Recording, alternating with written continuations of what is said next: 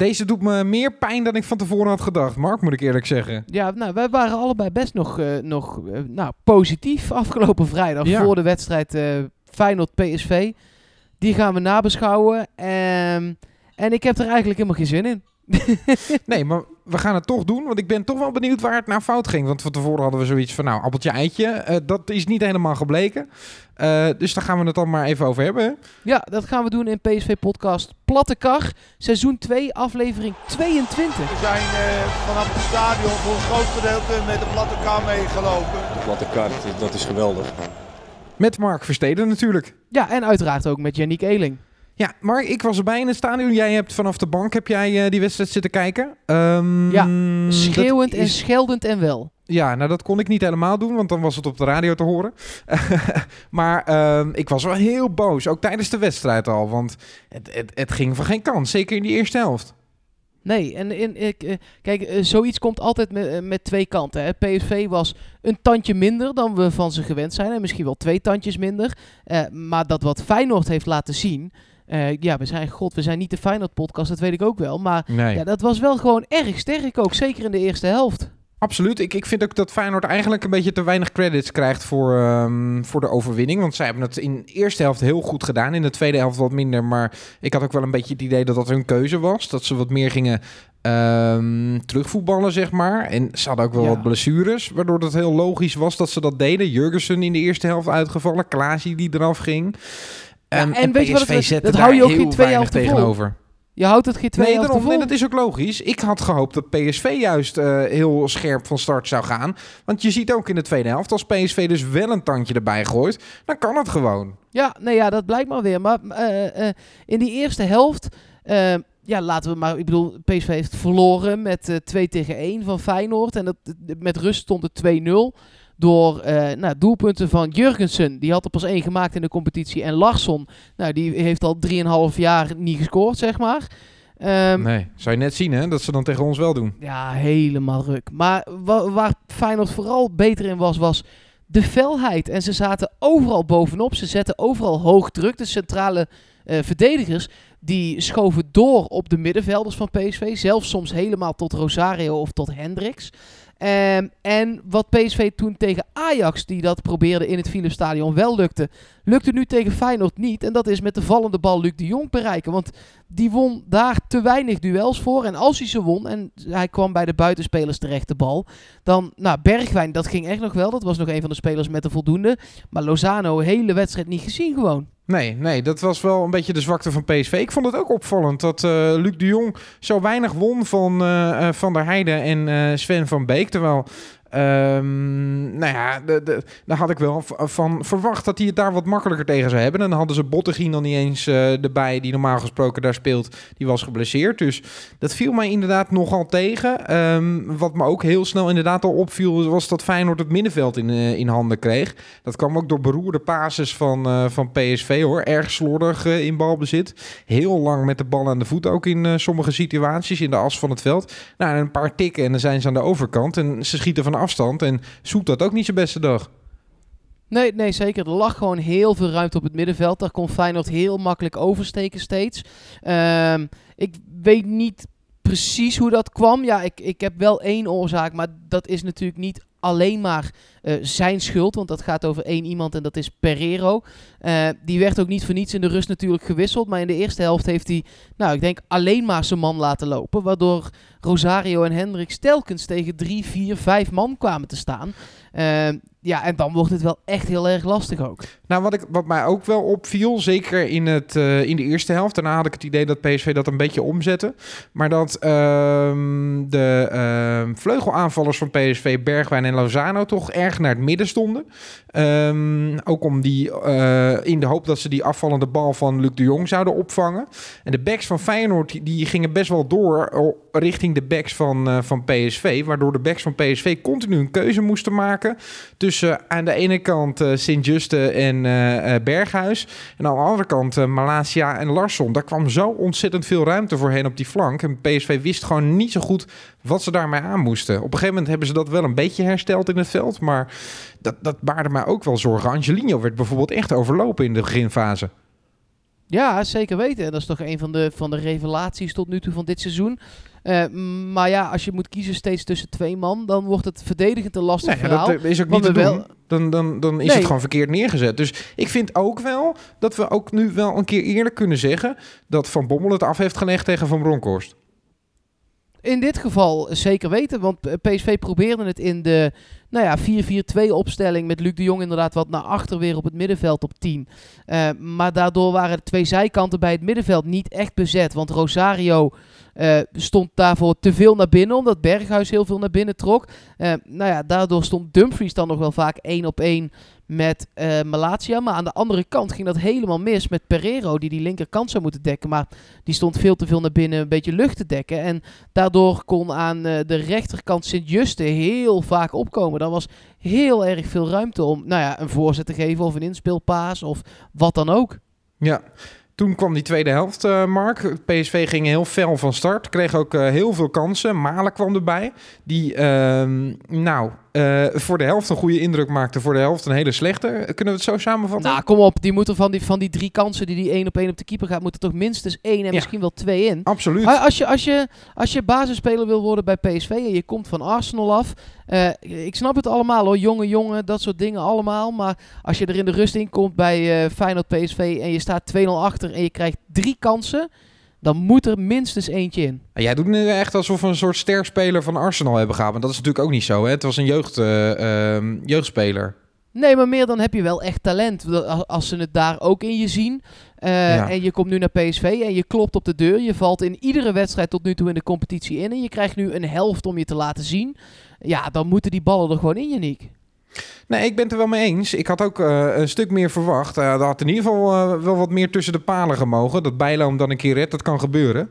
Maar het was allemaal wel heel blind ingeschoten. Ik moest een beetje denken aan Kone en Amrabat. Want die hadden dat ook. Die dan wel gewoon de snelheid en de techniek hadden om voor de goal te komen. Maar daarna zo ontzettend onrustig waren. Bergwijn heeft dat ook een, periode gehad. Die is daaruit gekomen.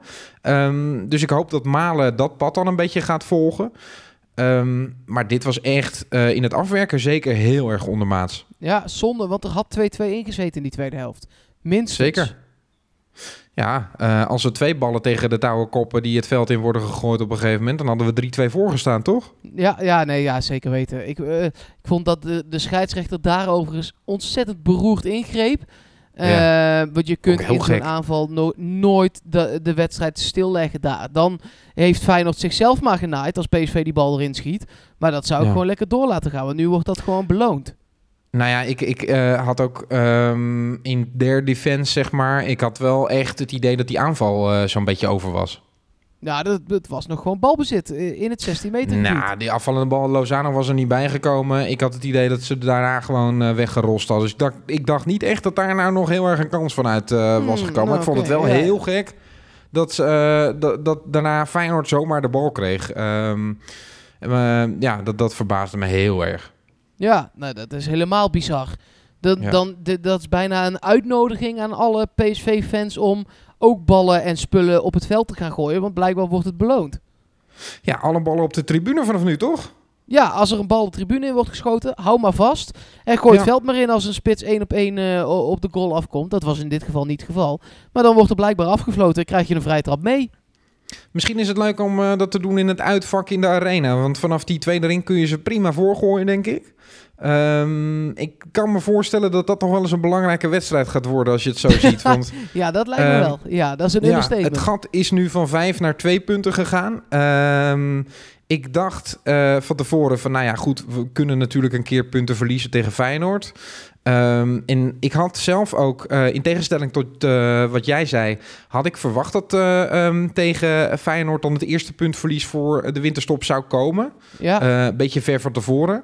Um, dus het kan gebeuren, maar toen ik terugreed vanuit Rotterdam, dacht ik toch wel van, goh, het is ook wel heel pijnlijk dit, dat het nu maar twee punten is met Ajax. Ja, zeker weten. Denk jij dat dit het begin is van een reeks van PSV, of is het wel een team dat, net als vorig jaar, de rug meteen weer kan rechten in de volgende potjes? Nou, het is ideaal dat je nu thuis Excelsior krijgt. Ehm, ik verwacht niet dat PSV daar nou heel veel moeilijkheden mee gaat krijgen. Aan de andere kant, eh, als het maar 1-0 wordt, dan krijg je ook gelijk nog kritiek over je heen. Ehm, dus PSV moet nu wel iets gaan laten zien. Ja, ehm, Ja, en- ik hoop en- vooral... De tweede vraag, Yannick, die daarop volgt. Jij zegt PSV moet iets gaan laten zien. Is dat met of zonder Pereiro? Hoe ziet het middenveld van PSV eruit in de wedstrijd tegen Excelsior vrijdag? Nou ja, ik vind dat vrij lastig. Eh, ik zou Pereiro laten spelen tegen Excelsior, omdat ik vind dat je daar doelpuntenmakers eh, nodig hebt. Ik vind ook dat je Gutierrez moet laten spelen, want die speelde in de tweede helft echt een hele goede eh, wedstrijd. Eh, ten koste van Hendricks. Ik zou nu ook gewoon een keer Hendricks op de bank laten. Ik zou vrij rigoureus ingrijpen, zeker tegen Excelsior, waarin je toch wel de bal gaat hebben. Ja, dus niet uh, Guti voor Pereiro, maar Guti voor Hendricks. Ja, hoe denk jij daarover dan? Ik zou Guti voor Pereiro brengen. Ik vind dat hij nu te veel wedstrijden op rij, te weinig heeft gebracht voor PSV. Uh, en hij heeft dat nonchalante weer terug, maar dan in een net iets te groot percentage. Een beetje nonchalance bij hem is goed, want daar komen hele mooie dingen uit. Maar nu is het te veel, waardoor hij ook zijn man niet meer dekt. En hij gewoon daar een beetje op balletjes staat af te wachten. Die hij ja. lang niet altijd bij een PSV'er brengt. Want uh, die tweede goal van gisteren, die kan gewoon, kun je voor 95% uh, op zijn konto schrijven. Kijk, ik had gehoopt, Mark, want ik zit ook heel erg met Pereiro in mijn maag. Um, dat Malen een beetje had doorgepakt. Want dan hadden we gewoon in de aanval voldoende bezetting gehad. Dan hadden we Lozano, Bergwijn, uh, Malen. En dan hadden we Luc de Jong nog op 10 kunnen zetten. Die dat uh, uitstekend heeft ingevuld in een paar wedstrijden. Zeker tegen Excelsior kun je dat dan best wel doen.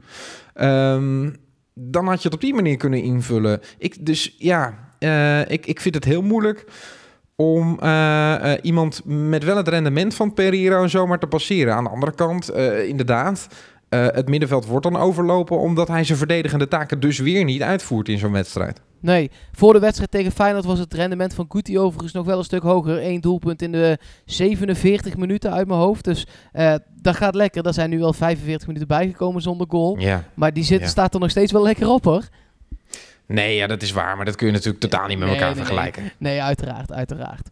Um, zijn er nog mensen die uh, in positieve zin opvielen bij PSV voor jou? Want ik moet zeggen dat ik uh, Schwab ook vond tegenvallen. Viergever met Dumfries. Ja, ik heb namelijk niet echt één iemand waarvan ik zeg... Ja, dat was hem. Jij zei net Guti. Uh, zijn er nog meer? Ik vond Bergwijn wel een aardige wedstrijd spelen. Ja, al moet ik ook aardig, zeggen dat ja. hij zich heel vaak uh, vastliep. Uh, maakte wel echt een hele goede goal. Uh, maar had er gewoon nog één moeten maken, minimaal. Um, ja, en dan kom ik automatisch weer bij kritiekpunten. Mag dat nog of niet? Nee, ja, dat mag ook. Ik was gewoon juist heel benieuwd of er nog iemand bovenuit stak. Maar dat viel dus wel mee. Nee, ja, echt niet. Vond ik echt Nee. niet. Nee. Ik zou ze heel met willen een- noemen. Maar, nee, ja, eh, precies. ja. Ik dacht, we brengen en een positief puntje in de podcast. Maar nee. Ja. Nee, wie ik ook nog wel even genoemd wil hebben is Lozano. Want ik vind ook dat die in dit soort wedstrijden, zeker als het dan net niet even lekker loopt, dat je dan van hem in ieder geval op aan moet kunnen. Eh, Dat je hem de bal geeft en dat je dan weet dat hij in ieder geval in de ploeg blijft. Maar ook dat mislukte. En ja, ehm, als hij echt een goede transfer wil maken, dan moet hij het in juist die grote wedstrijden wel laten zien. Ik had ook het idee dat hij afgelopen weken gretig was. Ehm, dat was hij nu alleen een beetje in het doorjagen. Maar in zijn acties en het diepgaan op het moment dat PSV de bal kreeg, vond ik het erg matig. Ja, ik ook. Helemaal mee eens. Nee, ja. eh, eh, Bergwijn dan eh, het enige beetje lichtpuntje voor de hele wedstrijd. En Kuti een half kaarsje voor, voor die tweede helft. En dat was het wel dan. Hoe schat jij dan deze nederlaag in? Is dat echt een, een, een dreun die PSV krijgt? Of is het een tikje? Is het een Eh, smetje nee, dus op geen tot nu toe vlekkeloze reeks? Ja, nou, we moeten hier ook niet te dramatisch over doen, omdat eh, je van 14 wedstrijden één verliezen betekent dat je aan het eind van de rit in twee wedstrijden hebt verloren en misschien nog eentje hebt gelijk gespeeld. En, nou ja, en eigenlijk alle seizoenen word je daarmee kampioen. En misschien dan in dit seizoen niet. Dat, dat zal moeten blijken uiteindelijk. Maar eh, ik denk dat we hier ook niet, ondanks dat het echt geen goede wedstrijd was, heel dramatisch voor moeten doen eh, naar de toekomst. Omdat, ja, wat ik zeg, 14 wedstrijden, 13 gewonnen, 1 verloren. Eh, dat zijn cijfers waar we vooraf echt voor hadden getekend. En het voetbal is in veel wedstrijden gewoon leuker ook dan vorig jaar. We hebben wel een dipje gehad, maar dat kwam ook weer terug. Eh, ja, dit was gewoon een off-day. Ik denk echt dat dat ook te maken heeft met de Europese exercitie tegen Barcelona. En dat dat nu klaar is helemaal. Ehm, En daar zijn we nu helemaal vanaf. Ajax gaat echt nog wel ergens punten verliezen. Hoe goed je ook bent als team, eh, je hebt altijd een off-day. En PSV heeft die nu gehad. Ja, ja. Kijk, ik zat ook nog een beetje met, met de uitwedstrijden die PSV heeft eh, gespeeld in mijn maag. Want dat is toch wel echt een stuk minder soepel dan de thuiswedstrijden. Dat bleek natuurlijk nu ook weer. Maar die uitwedstrijd tegen de Graafschap wonnen we dan met 4-1. Maar dat, was ook nog niet zo makkelijk. Uit bij Groningen ging het eh, niet makkelijk. Uit bij NAC ging het niet eh, heel makkelijk. Eigenlijk is de enige uitzondering uit bij ADO. Want tegen PEC ging het niet makkelijk. Tegen Fortuna ging het niet makkelijk. Ik begin ook wel een beetje toe te raken aan een goede uitoverwinning. En ik hoop dan dat het in vredesnaam tegen Heracles is. Maar ja, uh, dat is ook niet de makkelijkste tegenstander. Nee, zeker. Aan de andere kant, eh, PSV gaat ongetwijfeld nog meer punten verliezen dit seizoen. Uh, en dat gaat ja, Ajax moet er ook niet te veel worden, hè, Mark? Want nee, je nee, ziet nee, ook hoe weinig de tegenstand uh, verliest. Feyenoord verliest ook helemaal niet zoveel. Nee, dat valt ook nog wel mee. Al hebben die nu nog wel zeven verliespunten achterstand. Als ze deze week winnen van VVV is nog steeds 7 punten het verschil wel. Ja, maar uh, Mark, als zij uh, dat uh, volhouden, zouden ze volgens mij op 4 of 75 punten komen. Dat is normaal gesproken ook richting kampioen hoor. Nee, Frank zeker de Boer weten. daar kampioen mee. Ja, nee, in sommige seizoenen ben je daar gewoon de, kun je die schaal omhoog tillen. Maar Ajax gaat ook nog punten verliezen. Hè. Die moeten nog naar ADO uit, die moeten Utrecht nog uh, daar, die moeten Feyenoord uit nog. En in de Kuip is echt een ander verhaal dan in de Arena. Dat hebben we nu ook al weer ja, kunnen zien. Ja, ik merk het. maar uh, nee, ja, uh, het, het zal heel spannend blijven tot het laatste moment. Maar dat is toch ook mooi? Ja, zeker. Maar ik, het, het voelt zo toch een beetje naar dat, we, dat zij het nu weer in eigen hand hebben. Um, dat we dus niet meer zo ongenaakbaar zijn als dat we zaterdagavond pak een beetje nog waren. Nee, nee, dat is waar. Zal ik afsluiten met berustende woorden? Heel fijn, dat uh, ben ik wel aan toe. Komt goed. Ja, komt het goed? Het komt goed. Gaan wij in de arena winnen dan? Of is dat heel erg op de zaken vooruitlopen? We gaan winnen in de arena.